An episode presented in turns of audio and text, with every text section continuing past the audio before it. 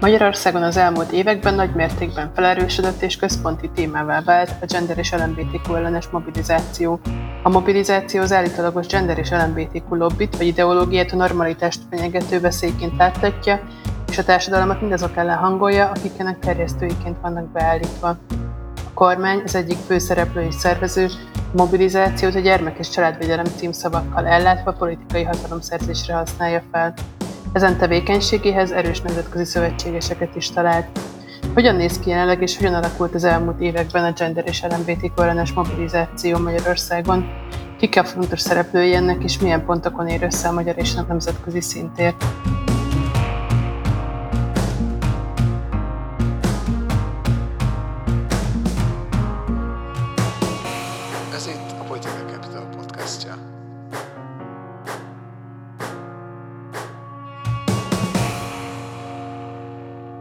Sok szeretettel köszöntelek titeket, nagyon örülök, hogy elfogadtátok a meghívásunkat. Mi köszönjük a lehetőséget. Sziasztok, örülök, hogy itt lehetek. Sziasztok, reméljük jó beszélgetésünk lesz. Akkor kezdjünk is bele. Az elmúlt években egyre hangsúlyosabb és látványosabb a gender és LMBTQ ellenes mobilizáció Magyarországon. Az egyik fő ellenségkép és veszélyforrás a kormány narratívája szerint az úgynevezett gender és LMBTQ ideológia vagy lobby lett. Mit gondoltak, hogyan és miért lett ez a kormány egyik fő témája? Milyen hatást ér el ezzel, és mennyire nyitott erre a társadalom? Ja, hát Magyarországon eléggé későn jött be ez a téma ahhoz képest, hogy a többi országban ezt láttuk. Tehát a 2000-es évek második végében már Szlovéniában, Horvátországban, Spanyolországban ment ez a típusú hergelés, akkor főleg ilyen egyházakhoz kötődő szervezetek részéről. 2010-es évek elején pedig Európa szerte gyakorlatilag, tehát Magyarországon az, hogy a kormányzat kezdte el, és ez 17 körül az isztambuli egyezmény és a társadalmi nemek tudománya mesterszak eltés indítása kapcsán,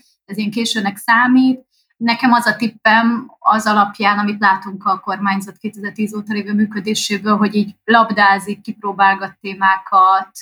feldob, vagy valamelyik szervezete feldob valamit, és akkor megnézik a reakciókat, vagy amikor éppen nincs téma, akkor bevetik, tehát hogy amikor a menekült válság lecsengett, akkor jött ez föl, tehát hogy ilyen, um, ilyen politikai kontextusa van, és hát ugye 2020-ban pörgették fel nagyon, ami összefügghetett már a közelgő választásokkal is akár, de hogy így uh, gyakorlatilag ezen keresztül ugyanaz a hogy mondjam, ilyen diskurzív vagy nyelvpolitikai munka elvégezhető, hogy ők felrajzolják nagyon polarizáltan azt, hogy ki vagyunk mi, és kik az ők. Tehát, hogy ők azok, akik le akarják rombolni a családokat, tönkre akarják tenni a civilizációt, a nemzetünket, a gyerekeinket, és mi vagyunk, akik a gyerekeket védjük. Tehát gyakorlatilag ugyanazt a típusú ilyen mi és őket ilyen katasztrófa narratívába bele lehetett ebbe tenni, és akkor gondolom, amikor látták, hogy ez így működik, kicsit az ellenzéket is megosztani, mert ezek nagyon bonyolult kérdések, nem lehet könnyen azt mondani, hogy igen vagy nem, hanem hogy, tehát, hogy egyszerűen így ezen keresztül tudják ezt politikailag hasznosítani. Igen, szerintem azt nagyon fontos látni, hogy nyilván egy konzervatív, vagy magát kereszténynek meghatározó politikai oldal számára az, hogy a család, vagy a nők és férfiak, vagy az LMBTQ témában egy konzervatív álláspontot foglalnak el, ez nem annyira meglepő. Ami az újdonság, vagy a jelentőség ennek, hogy ez egy központi politikai kérdésé válik. Tehát nem egyszerűen csak egy a sok-sok társadalmi kérdés közül, hanem a választási kampány, a 2022-es választási kampánynak a fő témájának ezt a témát szánta a kormányzat, és hogy ide hogy jutottunk el, ez szerintem ez a nagy kérdés, és azzal teljesen egyetértek, hogy nem példanélküli és nem magyar sajátosság, hogy ez a téma ilyen központi kérdésé válik. Talán emlékezhetünk még a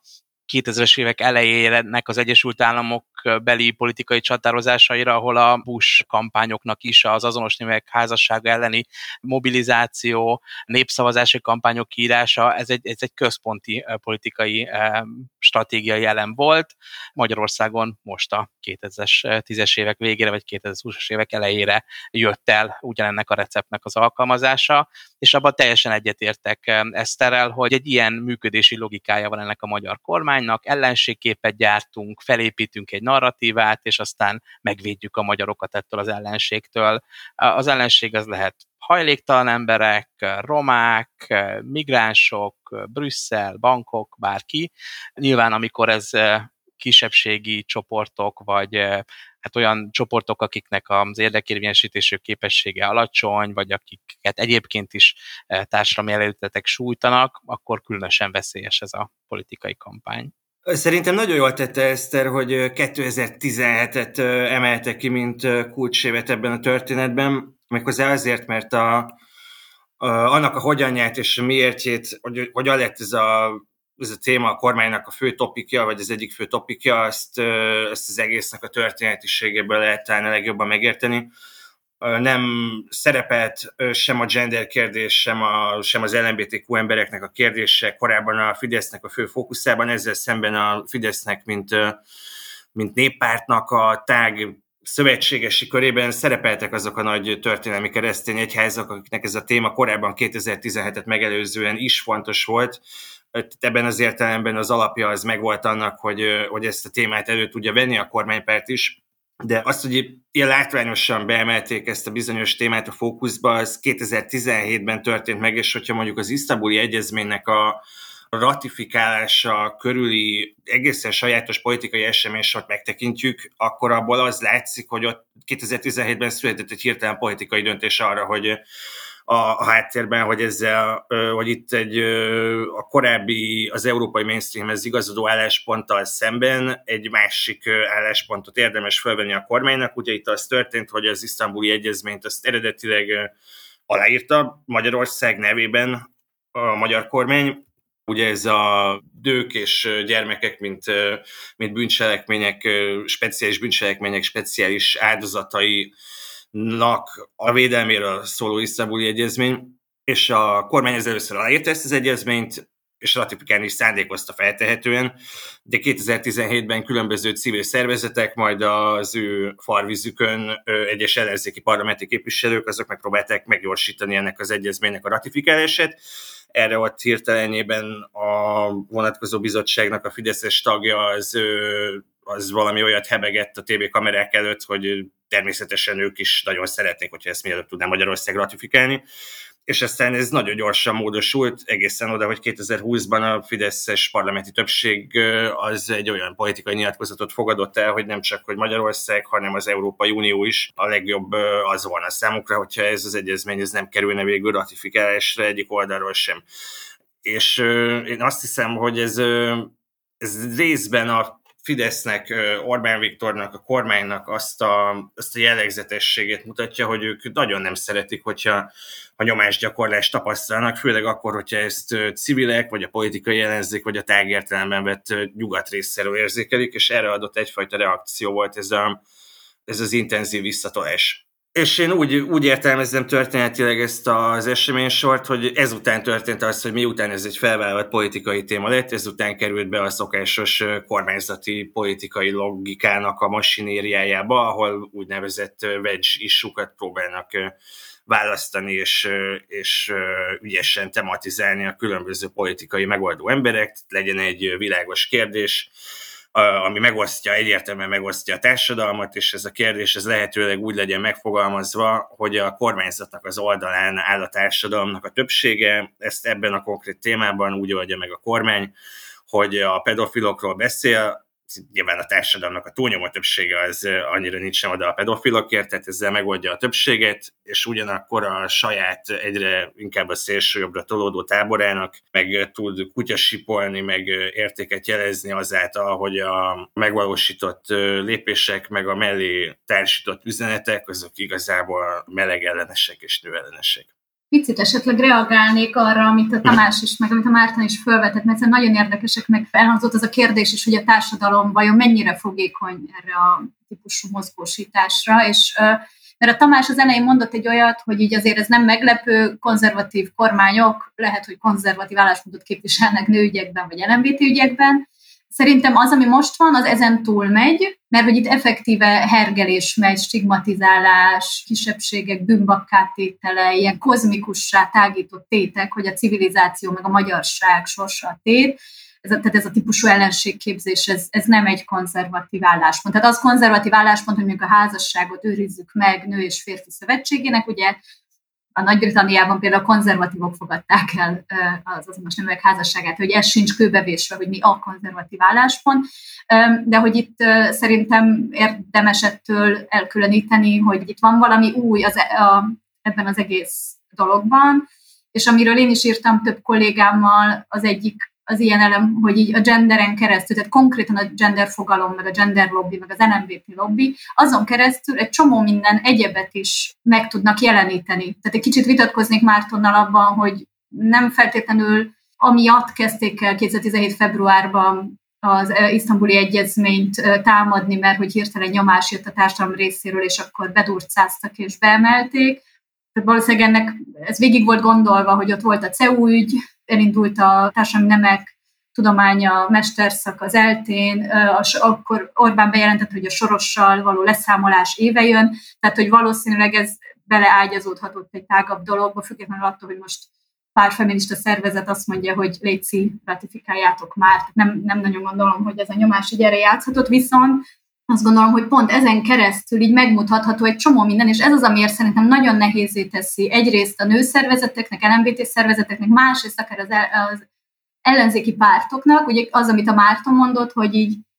olyan álláspontot képviselnek, amiben a társam teljesen egyértelműen egy oldalon van. Tehát, hogy mondjuk a pedofilia az rossz dolog. Viszont ezek sokkal bonyolultabb ügyek, tehát nincs egy egyértelmű, progresszív, jó álláspont ezekkel kapcsolatban, mert nagyon bonyolult dolgokba ágyazódik. Tehát az, hogy mondjuk a, ha az EU nyomást gyakorol bármilyen kérdésben, és hát az EU az nem egy egyértelműen pozitív értékterített szereplő egy csomó magyar ember számára sem, tehát hogy az EU csatlakozás nem hozta meg az ahhoz fűzött reményeket, vagy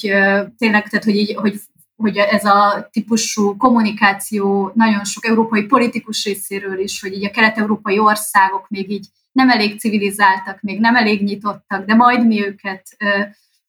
megneveljük, és hát ezt nyilván a kormányzat, meg a kormányzathoz kötődő szervezetek ezt így fel is hangosítják, hogy már megint megalázták a magyar népet, nem tartják tiszteletben a kultúránkat, de hogy valójában van, van egy csomó minden, ami ugye, ugye most az ellenzéki kampányban is ment egy kicsit így az ukrajnai háború kapcsán ez a kelet-nyugatozás, hogy nem kelethez tartozunk, hanem nyugathoz, és hogy az embereknél ez így nem rezonál, mint ahogy az eliteknél vagy, ö, rezonál, tehát hogy, hogy szerintem ezeket is érdemes, hogy ha, ha társadalmi támogatottságot nézzük, akkor nem csak azt a konkrétat megnézni, hogy mit mondanak a közvéleménykutatások arról, hogy az emberek mit gondolnak a melegek vagy a melegházasságról, hanem hogy így mik azok a tágabb dolgok, amiket így bemozgósít ezen a dumán keresztül a kormányzat, és akkor van még egy elem, amit csak így behoznék, az pedig az, hogy igazából van egy csomó minden, amit a kormányzat ilyen nagyon gyűlöletkeltő módon politizál, de valójában azoknak van valami valóság alapja, tehát hogy, hogy akár problémásnak is tekinthető folyamatok, azzal kapcsolatban, hogy nem tudom, transznemű sportolók a női sportokban vesznek részt Nyugat-Európában vagy Észak-Amerikában, az, hogy a, a gyerekek, akik transznak érzik magukat, vagy nem binárisnak érzik magukat kamaszkorban, azokkal mi történik. J.K. Rowling nevét mindenki ismeri, és ezt, hát ezt nagyon hosszan tárgyalta a kormányzati sajtó is, hogy mondjuk mi történt vele. Tehát, hogy azt gondolom, hogy itt van egy dolog, amivel viszont, ha már a társadalmi támogatottságról beszélünk, amivel a progresszív oldalnak van dolga, különben ha ezzel nem foglalkozik, akkor viszont a kormány aláadja a lovat abból a szempontból, hogy csak ők tematizálják azt, hogy valójában tényleg zajlanak a gender fogalma körül akár problémás dolgok, legalábbis olyan dolgok, amiket benne a progresszív oldal sem egységes Nyugat-Európában és Észak-Amerikában sem. Én két dolgot mondanék. Egyrészt szerintem a, az EU-nak én egy kicsit máshogy látom a szerepét ebben, szóval nem onnan fognám meg, hogy a magyar embereknek van az EU-val kapcsolatban, fent, vannak fenntartásaik, és akkor ez, ez valahogy összeilleszkedik ez a témához. Én pont, hogy ennek a témának a központi témává válását a kormány azon stratégiájának a részeként látom, hogy aláássa az Európai Unióba vetett egyébként elég magas magyarországi bizalmat. Tehát a kormánynak az egy nagyon nehéz helyzet, hogy jönnek itt folyamatosan az Európai Unió részéről kritikák a magyar jogrendszer vagy a magyar politikai rendszer működése kapcsán, és a magyar emberek ennek ellenére bíznak az Európai Unióban, tehát ez egy nehézség, hogy akkor hogy kezeljék ezt a olyan intézmény részről érkező kritikákat, amikben egyébként az emberek bíznak. Ha viszont be tudják azt mutatni, hogy ezek a, valójában az Európai Unió az egészen másról, az valójában a genderről, meg az LMBTQ dolgokról szól, és átkeletezhetik ezeket a kritikákat, kritikákat úgy, hogy ez nem a korrupcióról, meg a jogállamiságról, meg a független médiáról szól, hanem az LMBTQ lobbyról, akkor ezzel ezt a kritikának az élét tudják elvenni, és és hát aláássák ezt a bizalmat az EU-ban. Szerintem ennek a része összekapcs- ez az összekapcsolása az LMBTQI gender és, a, és az EU témáknak. Amiről még egy kicsit szerintem érdemes beszélni, az ez a, hogyan lett a gender egy ilyen központi fogalom, és azért ennek is elég hosszú története van feminista mozgalmakban sem volt a gendernek egy ilyen nagyon központi szerepe feltétlenül, mondjuk az elmúlt 40-50 évben, tehát ennek magának is van egy történelme, és annak is van egy történelme, hogy a feminizmus ellenes, vagy nőellenes, vagy LMBTQ ellenes mozgósításnak miért a gender lett a, egy ilyen központi eleme, és ezt azért már látjuk ilyen konzervatív gondolkodók, vagy a Vatikánhoz közeli ilyen keresztény gondolkodóknál, hogy már a 90-es évek közepén is, tehát viszonylag hamar elkezdenek erre stratégiákat kidolgozni, vagy hogy a gender lesz egy ilyen olyan központi fogalom, amibe tulajdonképpen beleépül minden, ami nekik nem tetszik. Tehát a nők szexuális önrendelkezésétől kezdve a abortusz és reproduktív jogok kérdése, az azonos neműek házasságának kérdése, transzneműség, tehát minden, ami ezzel a témával úgy, úgy problémásnak ítélődik a konzervatív vagy jobb oldal részéről, az, az megkapja ezt a gender billogot, és akkor ez fogja össze tulajdonképpen ezeket a témákat, amik egyébként nem is feltétlenül kapcsolódnak sok esetben össze magától értetődő módon, de, de össze fűzi e, ez a e, gender ideológia, mint címke e, ezeket a kormányzat, vagy hát általában a jobb oldal számára kényelmetlen vagy nehéz témákat. Én azt hiszem, hogy amiről most beszélünk, az leginkább a, a kormányzatnak a folyamatos politikai narratíva építéséhez kapcsolódik, és, és ez kétségtelen, hogy a gender témakör az bekerült ebbe a kormányzati fideszes narratíva a történetbe, hogy Eszter is mondta, szorosan kapcsolódik a CEU-nak a, a magyarországi történetéhez, és általában véve beépült abba a leginkább paranoid és jobboldali összeesküvés elmélet halmaznak nevezhető fő politikai narratívába, amit a kormány egyre intenzívebben próbál visszaadni a közéletben. De hogy én azt hiszem, hogy ez a, ez a narratíva építés, amiben globális háttérhatalmi erők próbálják Magyarországot rávenni különböző olyan dologra, ami a, a magyar emberek életvitelével úgymond összeegyeztethetetlen, ez, ez nem csak egy cinikus hatalmi eszköz, hanem valamennyire visszaadja a kormánynak egészen egészen pontosabban valószínűleg inkább Orbán Viktornak a saját világlátását. És hogyha Orbán Viktornak ez a világlátása, akkor én nagyon könnyen elképzelhetőnek tartom, hogy, hogy amikor 2017-ben gender szak lett Magyarországon, meg civilek próbáltak tüntetni az isztambuli egyezmény ratifikálásáért, akkor ez pontosan úgy csapódott le a miniszterelnökben és a környezetében, mint hogyha őket éppen a globális háttérhatalmi erők próbálnák súnyi eszközökkel ráfog, rávenni arra, hogy, hogy ezekben a kérdésekben mozduljanak el valamiféle progresszív irányba, és az ezzel kapcsolatos kormányzati paranoiának a reakciója lett az, hogy ezt a kérdést elővették, és betették abban a narratívába, amit aztán a nyilvánosság is lát. Azzal kapcsolatban, hogy, hogy ez ezzel a narratívával szemben hogyan lehet érdemi narratívákat megfogalmazni, ahhoz újságíróként nagyon nehéz hozzászólnom, ez praktikusan nem az én dolgom lenne, hanem politikusoké, meg civileké. De amit én nagyon furcsának tartok, az az, hogy a politikai vagy a közéleti térben a leglátványosabb ellenreakciók, azok mondjuk az úgynevezett pedofil ellenes törvénycsomagnak a sokszor elővett rendelkezéséhez, ami azzal kapcsolatos, hogy a gyakorlatban nagyon megnehezítse, vagy legalábbis miniszteri kivételt tegye függővé az azonos nemű pároknak az örökbefogadási lehetőségeit, ennek a konkrét rendelkezésnek, ez 2020 decemberi, hogyha jól emlékszem, ennek a legsúlyosabb áldozatai azok a, azok a magyar állami gondozott gyerekek, akiket mostantól senki sem fog örökbe fogadni és az ő szempontjaikat senki sem vette elő látványosan a közéleti térben, pedig egyrészt a magyar állampolgárok, a magyar adófizető közösségének anyagi terhet jelent az, hogy állami gondozott gyerekekről gondoskodnunk kell, és ezt a gondoskodást, ezt meg tökre nem csináljuk jól, mert hogy nem jó a magyar állami gondozott gyerekeknek, valószínűleg bárhol jobb lenne nekik, mint az állami gondozásban, de, de ezt nem hallom a tévéből. Még egy gondolatot csak a Tamásra szeretnék reagálni, hogy az, te, az a teljesen egyetértek, meg az hogy kimutatták a filológiai kutatások, hogy tényleg a 90-es évek közepe óta így a gender fogalmán keresztül Vatikánhoz kötődő értelmiségiek, meg olyanok, akik később pápák lettek, fogalmazták meg, hogy a genderen keresztül mennyi minden veszély leselkedik arra, ami a katolikus tanítás. De szerintem van egy dolog, amit érdemes tekintetbe venni, és ez kicsit így az isztambuli egyezményhez is kapcsolódik. Ugye 2011-ben írták alá először az egyezmény, 14-ben lépett hatályba, Magyarország is 14-ben írta alá, hogy azóta eltelt több mint tíz év, és azóta a progresszív oldalon is zajlik hát nagyon sok politikai követelés és aktivizmus, és um, a Mártonnak adott egy interjút Nográdi Noá például az átlátszó.hu-n, amit ő is, amiben ő is kiemeli, hogy a gender fogalma is nagyon sokfélét jelent, és hogy miközben az isztambuli egyezmény az egy ilyen halál, hogy mondjam, unalmas feminista gender definíciót használ, tehát elmondja, hogy azok a nemi szerepek, amiket a társadalom nőknek és férfiaknak helyesnek talál, tehát hogy, hogy a férfi domináns, a nő meg alávetődik, vagy ilyesmi. És hogy tehát egy ilyen nagyon konstruktivista, régi értelmében van a, a gender fogalom, ami mint egy ilyen elemző kategória, de hogy valójában történtek azóta a változások, tehát nagyon sokan a gender alatt azt értik, hogy neked mi a gendered, vagyis hogy te, te minek azonosítod magad a testedhez képest nőnek, férfinak, vagy valami másnak, és ez nincsen benne a, az egyezményben, de például az Alapjogokért Központ, amiről még biztosan fogunk beszélni, mert ő az egyik fő szereplője a magyarországi genderellenes mozgósításnak, több anyagot is legyártott azzal kapcsolatban, hogy miért nem szabad ratifikálni az isztambuli egyezményt, és az egyikben azt mondják, hogy azért nem, mert ugyan valóban csak azt jelenti, amit most elmondtam, hogy azok a nemi szerepek, amik változhatnak, amik kulturálisan időben mások nőknél és férfiaknál,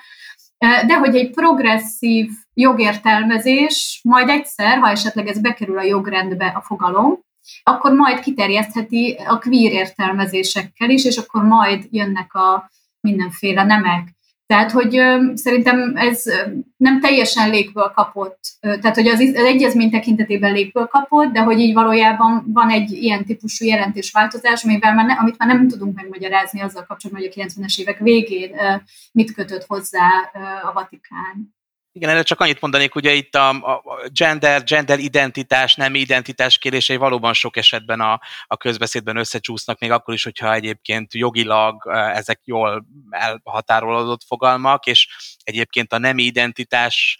fogalmaz a magyar jogrendben 2003 óta benne van, akkor az egyenlő bánásmód törvényben jelent meg először, aztán azóta a büntető törvénykönyvben, tehát egyébként azok a viták, hogy jaj, majd az isztambuli egyezmény hozza be mondjuk a nem identitás fogalmát a magyar jogrendszerben, ez egészen abszurd, hiszen velünk van 20 éve most már eh, jogilag definiált módon, hogy mit jelent mondjuk a nem identitás, és az mit jelent, mennyiben más, mint a nemnek a fogalma nyilván nem jogi viták zajlanak itt, hanem politikai viták zajlanak, amik eh, sok esetben jogszabályszövegekhez vagy jogi szövegekhez is kötődnek persze, de hát nyilván nem olyan pontossággal eh, zajlik a politikai vita, mint ahogyan egyébként a, a szakma, vagy a, akár a jogász szakma, vagy a társadalomtudós eh, szakma ezekről a kérdésekről gondolkodik. Ez világos, csak arra gondolok, hogy ö, érdemes tekintetbe venni, hogy nem csak a jobb oldal ö, akciózik, vagy cselekszik ebben a térben, hogy van egy fix progresszív mozgalom a meglévő követelés halmazzal, és a jobb oldal ilyen-olyan-amolyan módokon az már 25 éve próbálja ennek ellentartani, hanem hogy itt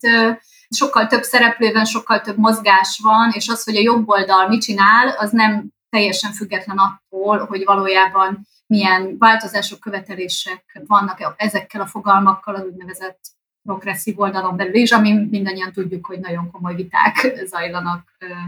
azon belül is. Tehát, hogy, hogy van ez az ilyen homogenizálás, ugye ez is része ennek az ellenségképzésnek, hogy a másik oldal az egy oldal. Tehát az összes politikus, gender studies kutató, LMBT aktivista, feminista, az mind egy szervezet, lobby, aki ugyanazt mondja, ugyanazt akarja a gyerekeidetnek a lelkét. Tehát, hogy, így, hogy ez így abba az összeesküvés elméletbe kapcsolódik, amit a, a Márton is mondott. Tehát nyilván ez így ebben a formában teljes hülyesség, és ezért olyan nehéz, mert hogy valójában annyira sok széttartóakat gondolnak tudósok, aktivisták, politikusok, hogy most itt tényleg össze kéne fogni, és egyébként ez igazolná is azt, amit a jobb oldal állít, hogy ez egy szervezett társaság, miközben nagyon, nagyon komoly viták vannak ezek között a szereplők között, ezt a jobb oldalnak nem érdeke megmutatni feltétlenül. Tehát ahogy Eszter is említette, az isztambuli egyezményben használt gender fogalom az nem feltétlenül egyezik meg azzal, amit gender ideológia címén egyfajta politikai ellenségképpént támad a magyar kormány, hiszen az isztambuli egyezmény az a nők elleni, meg a családon belüli erőszak felszámolásáról szól, praktikusan a amikor az isztambuli egyezmény nőkről beszél, és, és ebben a tekintetben igazából a fogalom használat az teljesen meg kéne, hogy feleljen a magyar kormány fogalom használatának, hiszen a magyar kormány is nagyon szeret nőkről, meg férfiakról beszélni. És én éppen ebben látom annak a feltételezésemnek a bizonyítását, hogy itt a magyar kormány a gombhoz varja a kabátot, hogy e, e, ez így igazából logikailag értelmetlen, ami történik. De hogyha azt feltételezzük, hogy a magyar kormány az az úgy véli, hogy, hogy őt kívülről próbálják rávenni arra, hogy valamit csináljon, és ennek a valaminek egy központi eleme az, hogy a gender nevű fogalmat használják, akkor a magyar kormány ez mindentől ki fog borulni, amiben benne van az, hogy gender, tök mindegy az, hogy éppen mit értenek alatta. Ahogy már szóba került röviden, több szereplő is részt vesz ebben a kormányzatilag kialakított mozgósításban vagy mobilizációban. Így úgy tűnik kívülről nézve, hogy a téma minden aspektusa le van fedve valamilyen szempontból. Tehát vannak olyan szereplők, akik mondjuk elméleti megalapozást végeznek, vannak civilek, van jogi háttér, hogy ti ezt hogy látjátok, hogyan szerveződik a magyarországi mobilizáció, kik a fő szereplői, és ezeknek mik a fő tevékenységeik, és milyen céljaik vannak? Én azt hiszem, hogy, hogy a történetnek a végén, vagyis a, az ebben a kérdésben aktív szervezeti hierarchiának, nem hivatalos szervezeti hierarchiának a legalján azok a különböző szervezetek állnak, akiknek a munkája a nyilvánosságban is látszik. Ezekben, ezekből különböző típusok vannak. Példaként hadd vegyem elő az isztambuli egyezmény körüli 2017-es politikai viharokat, amikor a, a Fideszes politikai álláspont felvállalását megelőzte először az, hogy az Alapjogokért Központ egy nyilvános közleményben megkérte a kormányt arra, hogy mondjon idézőjel nemet a gender egyezményre, idézőjel vége, és ezután a Citizen Go nevű szélsőjobbos nemzetközi aláírás gyűjtő platformnak a magyar leágazása megfogta az Emberi Méltóság Központ nevű szintén Fidesz közeli civil szervezetnek egy állásfoglalását, és ebből csinált egy petíciót, ezt aláírták 6000-en, és aztán ezt a 6000 aláírást lehetett lobogtatni, ezt is lobogtatta Répessi Robert a vonatkozó parlamenti bizottságnak az ülésén, hogy itt létező társadalmi ellenállás van az isztambuli egyezmény ratifikálásával kapcsolatban. De hát 6000 ember az, az a magyar lakosság egészéhez képest nézve nem sok. Ebből fakadóan én úgy értelmezem ezt az eseménysort, hogy ezt szíveskedett megrendezni nekünk a kormány, illetve a kormánypolitikai szövetségesei, hogy legyen legyenek ilyen állásfoglalások, amiket különböző szervezetek kiadnak, és akkor mások meg petíciót, és akkor a végén erre lehet mutogatni a politikai szereplőknek. A Citizen Go az, az mint petíció szolgáltató platform, az, az egy folyamatos résztvevője egyébként ezeknek a jobboldali társadalmi kampányoknak. Az Alapjogokért Központ az egy bármilyen kérdésben ideológia gyártó központként működik, és aztán innen lehet följebb lépegetni. Én azt hiszem egyébként, hogy a, a kormányban, nem a most fölálló, de a legutolsó Orbán kormányban nagyon jól meg lehet határozni, hogy ott kikhez tartoztak az, ilyen jellegű témák. Egyrészt Rogán Antal kabinetminiszterhez, aki a kormány politikai kommunikációjának a főalakja, és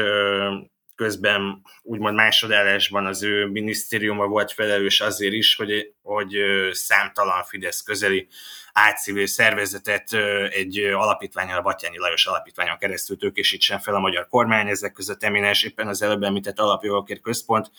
Nyilván nem véletlen, hogy Rogán Antalnak a minisztériumától indult el legelőször az az összesen több milliárd forint, amit utána megkapott az alapjogokért központ a működésére de mondom, nem ez az egyetlen szervezet, amelyik, amelyikhez érkeztek Rogán Antal minisztériumától indult magyar adóforintok, ott van Novák Katalin, aki tárca nélküli családügyi miniszterként ténykedett. Az, hogy tárca nélküli, az azt jelenti, hogy pénz fölött nem rendelkezik. Praktikusan Novák Katalin úgy volt családokért felelős miniszter, hogy nem volt döntési joga azzal kapcsolatban, tehát mondjuk, hogy az eszébe jutott volna, hogy a családi póték legyen egy picit több, a csak meg egy kicsit kevesebb, vagy fordítva, nem tudott volna rendelkezni róla. Ebből az következik, hogy Novák Katalin, mint családügyi miniszter, igazából nyilatkozni tud, tárgyalni tud, barátokat keresni tud, praktikusan ideológiát gyártani tud, és ezt is csinálta. Igazából nem tudok ehhez sok mindent hozzátenni, szerintem a főszereplőket most a Márton felsorolta, annyit érdemes talán tudni, hogy így a, a nemzetközi összehasonlításban azért kiemelkedő a magyar helyzet, mert hogy Brazília és Lengyelország mellett Magyarország az egyetlen kb., ahol ez kormányzati pozícióból történik, tehát teljesen felülről len, irányított dolog. Nagyon jó példákat mondott erre a Márton, így ahogyan a pénzek folynak, meg ahogyan a kormányzati narratíva van megtámogatva a kormányhoz lojális, vagy a kormány által alapított szervezetek által. Tehát, hogy nem lehet mondjuk egy genderellenes mozgalomról úgy beszélni, hogy, mert hogy a, a legtöbb országban az volt, hogy voltak valamilyen szempontból progresszívnak tekinthető törvényjavaslatok, és azzal szemben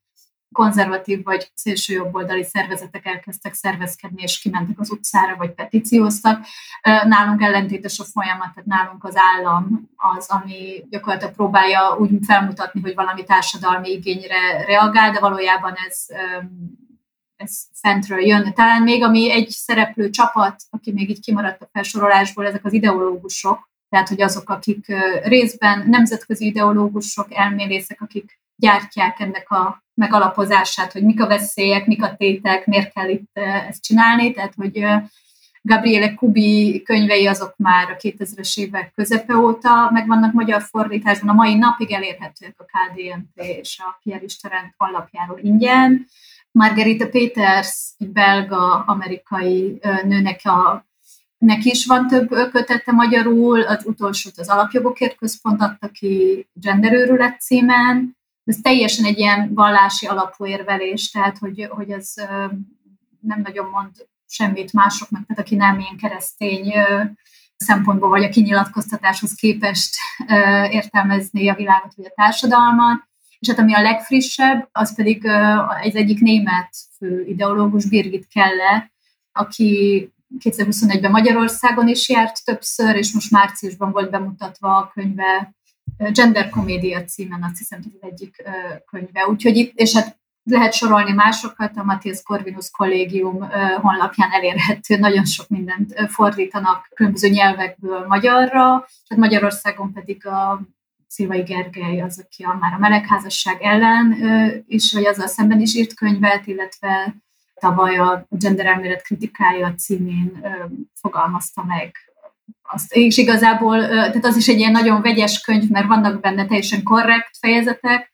vannak benne ilyen, amik nem annyira, vagy nem túl átgondoltak, viszont az ő fő állítása is az, hogy ez egy banda. Tehát, hogy itt mindenki, akivel ő szemben van, az összes gender studies kutató, legyen az, aki a, nem tudom, a pénztáros nők helyzetét kutatja, meg a queer nem identitásokat, az ugyanaz a banda, mint az összes zöld, meg baloldali, meg liberális politikus és LMBT aktivista, akik egyébként meg feministák és LMBT aktivisták meg tudnák egymást folytani egy kanálvízben, hogy az mind egy szervezet lobby, tehát hogy azt például a könyve ezt nagyon jól példázza, de hogy itt igazából szerintem ez, ez is egy fontos, hogy vannak, akik így lefektetik azokat az alapokat, és ezt ö, ugyanúgy a kormányzathoz kötődő szervezetek terjesztik ö, különböző csatornákon. És hát ebben, ebben a történetben igazából el, átléptünk egy szintet. Én a ez a Batyányi Lajos Alapítványnak, ennek az elcivil szervezeteknek, kormányzati pénztosztó alapítványnak a dolgaival lassan meg két éve kezdtem el foglalkozni, és annyi pénzt kiment, itt összesen több több 10 milliárd forintról van szó, ami valahogy bekerült a Batyányi Lajos Alapítványnak a működésébe, hogy azok a szervezetek, amikhez ezek a milliárdok, meg 100 millió kerültek, azok most már maguktól is képesek lennének évekig folytatni ezt az igazából létező társadalmi támogatás nélkül teremtett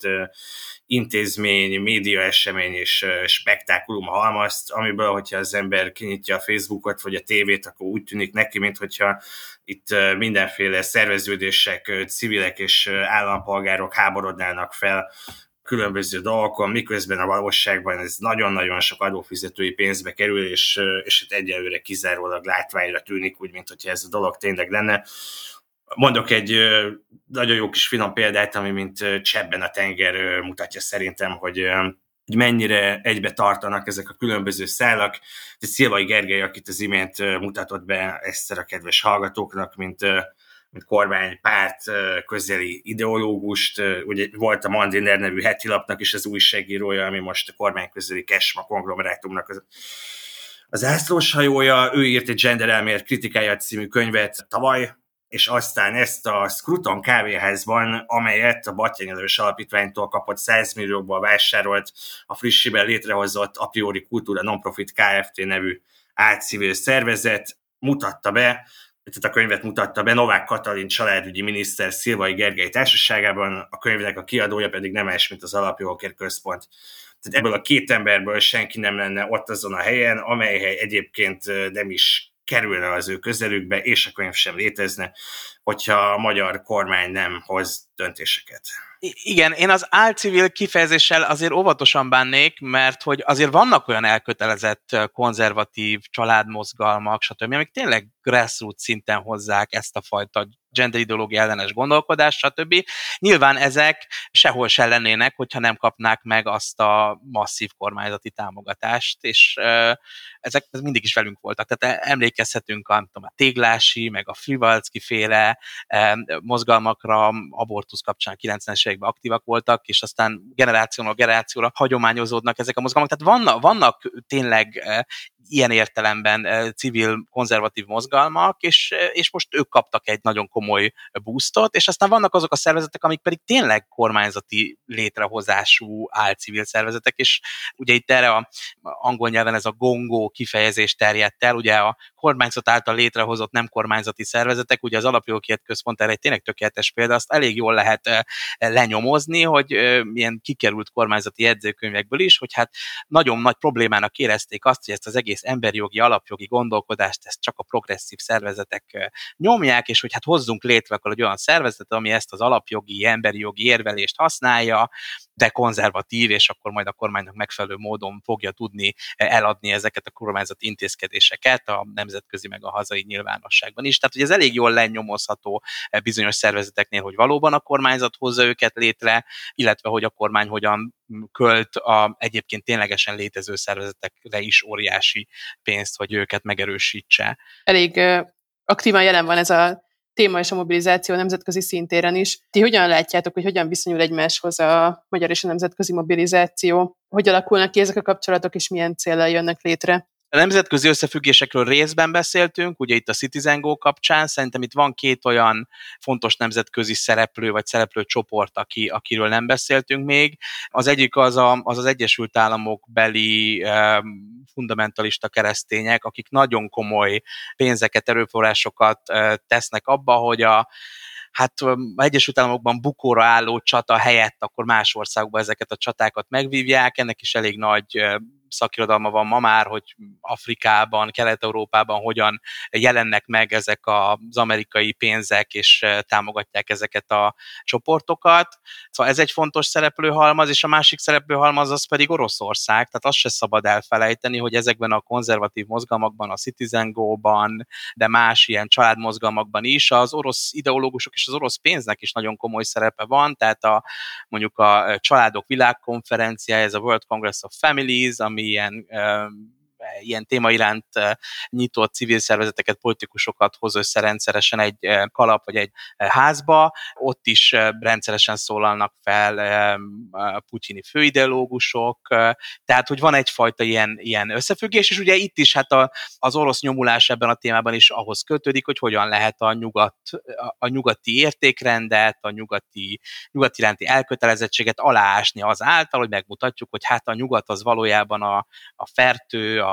az LMBTQ propaganda, stb. És, és a, az orosz nemzetközi stratégiának, vagy külpolitikai stratégiának ezért része ez az egész gender és LMBTQ téma, mert ezzel tudják a részben az orosz társadalomban, részben a, a hát, szövetséges államokban a nyugati orientációt aláásni. arra használják ezt, hogy a nyugati értékek, vagy a nyugati orientáció ellen hergeljenek, mert valójában amúgy is van egy nagy EU melletti elköteleződés, és akkor el kell az emberekkel, hogy valójában az EU az egy fertő, és nem a,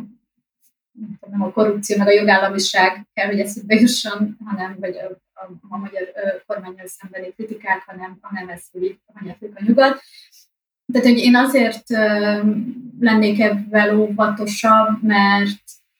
tehát, hogy igazából annyira üres már ez a szó, hogy nyugati értékek, meg nyugat, nyugat, abban a tekintetben, hogy a nyugat sem tartja magát a nyugati értékekhez, ha a gazdasági vagy a politikai értékei ezt így nem azoknak az érdekeinek nem kedvez. Tehát az, hogy a Fidesz 2021-ig az Európai Néppárt a tagjai között tartotta az, hogy Németország most az ukrajnai háborúig boldogan üzletelt Oroszországgal, és nyilván millió példát fel lehet hozni, tehát hogy így, meg hát azt mi is mindannyian tudjuk, hogy csak azért, mert valami Nyugat-Európában, vagy Nyugat, vagy Észak-Amerikában történik, az nem feltétlenül követendő. Tehát, hogy szerintem az, a, hogy valahogy ezt a, az eliteknek a nyugatorientációját is használja kicsit a magyar kormányzat arra, hogy amely orientáció tényleg nagyon néha szolgai, vagy nem elég pragmatikus, vagy nem elég kritikai, az anna, arra, hogy aztán alátámassza, hogy a nyugat hanyatlik, és nálunk van a, a tisztaság. Nem a kormányzatot szeretném bevédeni, csak hogy így hogy ilyen szempontból ezzel vigyázunk, és szerintem ez már egy kicsit így válasz is arra, amit Zsuzsa kérdezett azzal kapcsolatban, hogy hogyan kapcsolódik ez össze a a nemzetközi, meg a magyar, hogy részben valós problémákat, meg folyamatokat tematizálnak, úgy, hogy közben meg stigmatizálnak, közben beépítik a maguk ellenségképző stratégiájába, de hogy, hogy azokkal kapcsolatban meg akkor felmerül, hogy hol vannak az NGO-k, hol van a, az ellenzék állásfoglalása, mert ha ezekkel a témákkal kapcsolatban nem, nem jön máshonnan hangos erő, akkor a kormányzat el tudja mondani, hogy csak mi vagyunk, akik ezt tematizálják. Tehát szerintem például elég szomorú az, hogy vannak olyan liberális és feminista szerzők is, akiket a Matthias Corvinus kollégium lefordít magyarra, akik bizonyos nyugat-európai vagy észak-amerikai trendeket, például a transz és a nem bináris témában bírálnak. És azokat beépítik a kormányzati narratívába, és ez, ezzel így gyakorlatilag el is van ez hiteltelenítve, de hogy valójában lehetne egy csomó mindenről beszélni a úgynevezett progresszív oldalon, csak van ez az ilyen típusú kényszer, hogy mivel, hogy stigmatizálva vannak a kisebbségek, mivel, hogy egy gyűlöletkampány van, vagy hát ugye mondjuk most a választások voltak, ezért bizonyos dolgokról nem szabad beszélni, és hát ezt a teret is használja ki erre a homogenizációra a kormányzat. Picit ismételni foglak titeket. Szerintem ennek a kérdéskörnek a nemzetközi törben két igazán nagy szereplője van, és erre a két szereplőre is igaz, ahogy valószínűleg a többire is aki ebben a témakörben mozog, hogy politikai és, és egyházi vagy vallási erőknek valamilyen amalgámját, vagy hibridjét, vagy összverét, vagy párosítását jelentik. Az egyik a, az Egyesült Államoknak a, az új protestáns keresztény fundamentalista mozgalma, akiknek ugye nagyon erős politikai szövetségeseik és reprezentánsaik vannak a republikánus pártnak a berkeiben, a másik pedig az az orosz ortodox egyház, amelyet számosan az orosz kormány meghosszabbított karjaként értelmeznek. Ezen belül, ami számunkra nagyon látható, és ugyanebben a szférában mozog,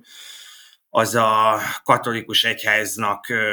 az az ultra fundamentalista és retrogát szárnya, amelyik például Magyarországon vagy például Lengyelországban is jelen van, akiknek Lengyelországban nagyon szoros szövetségesük, az az Ordo Juris nevű civil szervezet, amelyik az alapjogokért központhoz hasonló szerepet tölt be a jelenlegi szélső jobboldali lengyel kormány mellett. És hát azok a magyar szereplők, akikről most beszéltünk, a magyar, magyar szereplőknek egyébként a lengyel szférával vannak a legszorosabb kapcsolataik, az alapjogokért központ és társaik rendszeresen találkoznak és egyeztetnek a, a lengyel kollégákkal és de meg azt, azt a kiegészítést érdemes hozzátenni, hogy azok a különböző orosz fontosságok, akik ebben a történetben nével már előkerültek újságcikkekben, azok megegyeznek ugyanazokkal az orosz szereplőkkel, akiket egy a New Lines magazinnak a most márciusi cikkében ismertetett kiszivárgott e-mailek szerint az európai szélső jobboldali pártoknak a mozgását is befolyásolják, hogyha úgy tetszik Oroszországból nézve. Ez a gender téma, ez egybeesik az európai szélső jobboldalnak a föltápolásával, mint stratégiai célra. Igen, szerintem azt, azt fontos megérteni, hogy vannak olyan szereplők, akik tényleg elkötelezett ideológiai alapon tematizálnak és beszélnek ezekről a kérdésekről, és aztán vannak olyan szereplők, akik teljesen politikai racionalitás és instrumentális okokból beszélnek és emelik be ezeket a témákat. Ennek kapcsán például érdekes elgondolkodni arról, hogy vajon a magyar kormány szereplői azok tényleg mélyen és meggyőződésesen antifeministák és LMBTQ ellenesek, vagy, vagy egyszerűen csak a politikai stratégiájuknak ez a része. Vannak arról ilyen történeti visszaemlékezések, hogy Orbán Viktor miket gondolt a 90-es évek elején mondjuk meleg kérdésről, vagy hogy hogyan tudott baráti vagy jó kollegiális kapcsolatokat ápolni meleg politikusokkal akkor, amikor a, a, a, a kormányzati narratív egészen más irányba egy Nyilván a, a, a, a végeken nem is igazából ezt számít, hanem hogy mit, mit tesz a kormány, mit beszél, hiszen annak van a hatása a közbeszédre és a közgondolkodásra, és hogy mit tesz. És azért még mondjuk azt lehet mondani, hogy a, az elmúlt két-három évvel ezelőtti időszakra inkább a beszéd volt jellemző, azért itt most már az elmúlt két-három évben legalábbis LMBTQ jogok tekintetében nem csak beszéd van, tehát nagyon komoly jogkorlátozó lépések történtek, a transz emberek nemének jogi elismerésére vonatkozó eljárás lehetetlenítése, nem gyerekekről, hanem felnőttekről beszélünk, akiknek ma már nincs lehetőségük a hivatalos irataikban a, a nemüket megváltoztatni, az örökbefogadás korlátozásáról, tehát azonos nemű párkapcsolatban élő személyek ugye csak külön miniszteri engedéllyel fogadhatnak örökbe, a szexuális nevelés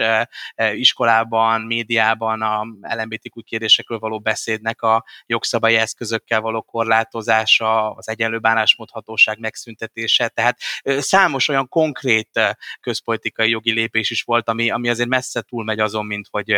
hát néhány kormányzati ember butaságokat beszél bizonyos kérdésekről, és ennek van igazából óriási jelentősége mondjuk az LMBTQ embereknek az életére. Amiről még gondoltam egy kicsit beszélni, hogy a szimbólumok, a nyelvezet, a diskurzív repertoár az nagyon hasonló a különböző országokban, de hogy konkrétan milyen kérdésekben mennek bele, milyen témákat tematizálnak, ebben azért vannak nagy különbségek. És például nagyon érdekes, hogy Magyarországon a, az abortusz kérdése nem központi kérdés. Tehát míg a, a, a, minden má, a, gender csomag minden más elemére szinte ma már vannak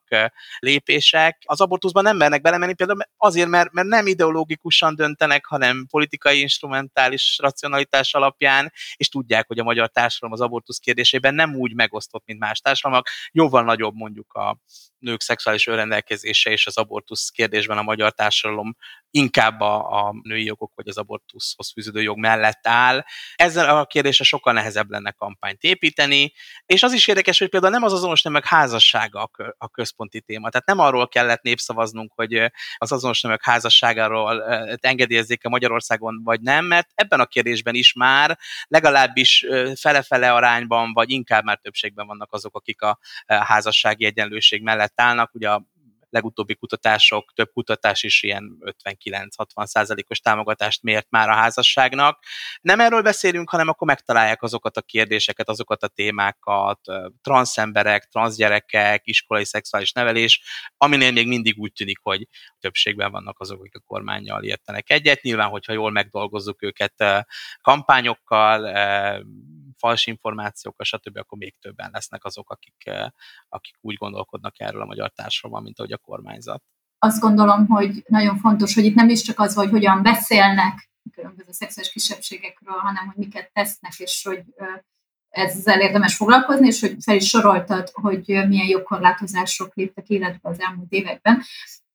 És akkor az a kérdésem, hogy a csók, a családi adókedvezmény, a gyedextra, hogy ezekben benne vannak-e az azonos nemű párok, vagy nem, mert én ebben nem vagyok képben, de ez érdekes lenne, mert hogy ez viszont Ebben nem vagyok biztos, hogy ebből kimaradnak a melegek meg a leszbikusok, de ez, ez egy kérdés. És arra, amit viszont mondtál, az, a, hogy így gyakorlatilag országa válogatja, hogy kontextuálisan melyik ügyeket emelik be, és ezért szerintem pont, hogy az abortusz téma, amit ugye a, gyakorlatilag a 2011-es alkotmánymódosítás óta, amikor ugye bekerült az, a, az, a, a, vagy hát az új alaptörvénybe, hogy emberi életet a fogantatástól fogva védeni kell, azóta nem lett szigorítva az abortusz törvény, szerintem ez én azt tippelném, remélem nem mond ellent a, a, valóság, hogy ez így is marad, egész egyszerűen azért, mert látják pontosan ugyanazokat a közvéleménykutatásokat, amiket mi is, hogy az emberek ezt támogatják. Néha tesznek ilyen szimbolikus gesztust, hogy elmondják, hogy támogatjuk azokat a szervezeteket, akik az életet a fogantatástól védik, és az élet, de hogy igazából ezt, ezt nem fordítják le például közpolitikára, és nem kezdenek ezzel kapcsolatban mondjuk hangos kampányokat. De szerintem, és akkor, hogy az, hogy így igazából melyik témát teszik témába, ugye mondta Tamás, hogy nem a melegházasságról népszavaztunk, hanem a transz gyerekekről, de hogy így én ezzel kapcsolatban nem nagyon ismerek még létező kutatásokat, én anekdotikus tudásom van országszerte kamasz gyerekeket nevelő szülőktől, hogy ez valójában a YouTube, a TikTok, meg mindenféle ilyen fórumokon, ahonnan a gyerekek tájékozódnak, valójában nagyon is szűrődik be az a típusú értelmezés, ami az utóbbi 5-10 évnek a fejleménye az angol száz országokban, hogy ha te nem felelsz meg típusan nemi szerepeknek, akkor lehet, hogy te nem is vagy fiú vagy lány, és hogy ezzel kapcsolatban, tehát hogy meg lehet pendíteni valami félelmet, tehát hogy az azonos neműek házassága az jelenleg nem volt mihez köthető, viszont ez köthető ahhoz, ami nem csak az, hogy meg vannak dolgozva az emberek, és már tényleg a könyökünkön jön ki a egy darab óvodában a crossdresser vagy transvestita meseolvasó, hanem hogy valójában van valami, amit ők így tapasztalnak a mindennapjaikban, és szerintem itt viszont meg nagyon-nagyon álságos a kormánynak ez a gyermekvédő narratívája, hogy így ugye ők védik a gyerekeket, miközben pont, hogy azáltal, hogy a szexuális nevelés kitiltják az iskolákból, még egyel kevesebb lehetőség van, hogy a gyerekek bármivel kapcsolatban, ami a nemük, szexualitás, erőszak, az, az egész kamaszkor identitás válság kapjanak eszközöket felnőttektől, hogy csak még egy példát hozzak be a pornó témája, ami ha valaki félteni a gyerekeket, akkor attól lenne érdemes félteni, hogy abból tanulják a szexualitást a 11-2-3 éves fiúk, lányok, és hogy, de ezzel viszont tabusítva van az iskolában az erről való beszéd, mert nehogy véletlenül LMBT is elhangozzék. Ezzel viszont teljesen egyedül vannak hagyva, és akkor viszont az internet az meg ott van és onnan jönnek a, jön a tájékozódás, és akkor a gyerek hazaállít azzal, hogy ő aszexuális, vagy pánszexuális, vagy otthon este kitalálta hétvégén. Tehát, hogy így, és akkor erre a szülők tudnak rezonálni, hogy a gyerekük veszélyben van, és akkor ettől kell megopni a gyereket. Szóval, hogy ezzel kapcsolatban is egy ilyen sokkal összetettebb dolog van, mint csak annyi, hogy a, tehát ugye a kormány ezt használja, és megdolgozza a népet. Ugye azt láttuk az Avets Research-nek a kutatásából, hogyha az emberektől azt kérdezik, ez egy februári kutatás volt, hogy mik a legfontosabb problémák, akkor ilyeneket mondanak, hogy egészségügy, meg megélhetési kérdések, de ha fel vannak sorolva, vagy osztályozzák, hogy egytől ötig mekkora probléma a migráció, meg a gender lobby, akkor a fideszes szavazók ezt a kettőt az első két helyre teszik. Tehát, hogy ilyen szempontból teljesen megvan ez a megdolgozás, de hogy közben meg azért lehet ezeket átvinni, mert van valami, ami, ami ilyen bizonytalanság, vagy, vagy tapasztalat a saját életükben, és nekem az, ha már ugye a Márton felvetette az elején, hogy kinek kellene érdemi ellennarratívákat felépíteni, nem az újságíróknak, hanem a civileknek, nem a politikusoknak, de hogy abba az irányba, hogy nem ezen a szinten kellene szerintem ellennarratívát építeni, hogy miért hülyesség az, amit a Fidesz állít, hanem azokra ad, adni válaszokat, azokra a kérdésekre, amiket a Fidesz, meg a kormányzat ilyen erővel és gyűlöletkeltéssel politizál. Nyilván vannak kérdések, amikben különböző emberek különböző dolgokat gondolnak. Én nem gondolom, hogyha egy gyerek az állít haza, hogy pánszexuális, aszexuális, vagy esetleg kérdései vannak a saját nemi identitásával kapcsolatban, ez veszélyes lenne. Ez szerintem ez nem veszélyes, és nyilván persze mindig, amikor átalakul a, a társadalmi gondolkodás egy-egy kérdésről, új szavak, kifejezések jelennek meg, ez bizonyos embereket félelemmel tölthet el. A szülők aggódnak azon, hogy olyan szavakat használnak a gyerekek, amik ehhez nem tudnak viszonyulni, amiket nem is értenek. Ennyiben persze természetesen igaza van Eszternek, hogy a félelemnek annak biztos van alapja. Tehát alaptalanul a kormány nem fog egy olyan narratívába beleállni, amiről úgy érzi, hogy ami nem rezonál az emberekkel. Tehát nyilván azért tud migráns ellenes, hajléktalan ellenes, LMBTQ ellenes kampányokat a kormány vinni, mert vannak a társadalomban olyan félelmek, olyan ellenérzések, olyan előítéletek, amikre lehet építeni de, de nem véletlen, hogy nem a, nem a házasságról, meg az örökbefogadásról szavaztunk, hanem ezekről a kérdések, mert ezek kapcsán valóban nehéz, eh, vagy nehezebb sokkal ellennarratívákat találni. Az nagyon érdekes, hogy az örökbefogadás kérdése például ilyen nagyon központi kérdés volt, és eh, hát nem, nem igazán működik, nem igazán működött. Tehát ugye ez volt a, meg visszamegyünk még az első ilyen eh, genderhez kötődő, vagy LMBTQ témához kötődő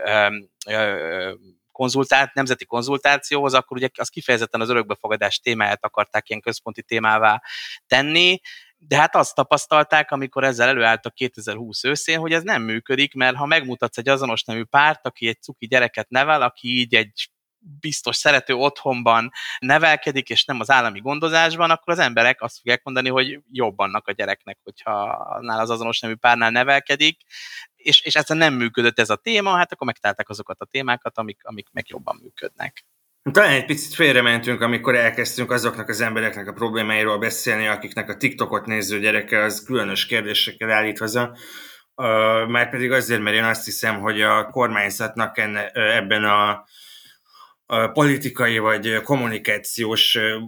úgy gyakorlatnak tekintett irányváltásában ebben a témában nagyon is konkrét áldozatai vannak. Tehát az elmúlt hetekben folyamatosan jelentek meg a kimondottan brutális hírek arról, hogy hogy bántották a nőt, hogy ölték meg a gyereket, hogy nem hozott a bíróság távoltartási végzést, és a, ez úgynevezett isztambuli egyezmény, amit Magyarország most már nem fog ratifikálni, az éppen a nők elleni és a családon belül erőszak megelőzéséről szólt. Ezt tekintettel arra, hogy a kormány politikai irányt váltott, ezt egy, egy úgymond magyar, hagyományos nem is tudom, hogyan, hogyan írjam körbe, hozzáállással remélték kiváltani. Ennek lett az eredménye az, hogy van ez a családháló nevű szervezet, meg, meg vannak áldozatsegítő központok Magyarországon. Én felhívtam egy ilyen áldozatsegítő központot kíváncsiságból, hogyha én egy egy utcai verekedésbe keveredtem volna bármilyen okból, és, és úgy érezném, hogy nem tudom, engem megütöttek, és ez nekem rossz, akkor én oda bemehetek-e? Azt mondták, hogy persze. Ami ezzel egy nagyon, nagyon érdekes felállás, hogy ezek a központok, amik mondjuk arra vannak, hogy kiváltsák azokat a helyeket, ahol mondjuk nem erőszak áldozatából esett nők legyenek, praktikusan itt kéne lenni a nem erőszak áldozatából esett nőknek, oda így praktikusan bemehetek azért, mert én éppen verekedtem az utcán. Tehát, hogy ez, ez valahogy így nem, nem, nem érzem azt, hogy, hogy egy működőképes megoldási kör lenne, és nagyon hiányolom a közbeszédből azt, hogy, hogy ezt a, a brutális nők és gyerekek elleni erőszak hullámot, amit az elmúlt időszakban tapasztaltunk, ezt, ezt megnézzük, hogy ez vajon köszönhető annak, hogy a magyar állam az nem tesz eleget, vagy nem jól teszi azt, amit a nők és a gyerekek védelmért kéne csinálnia, és ennek vajon van-e köze ehhez a vállalat politikai ideológiához. Nagyon köszönöm, hogy itt voltatok, és megosztottátok velünk tudásotokat és véleményeiteket. Köszönjük. Köszönjük a lehetőséget. Én köszönöm, hogy itt lehettünk.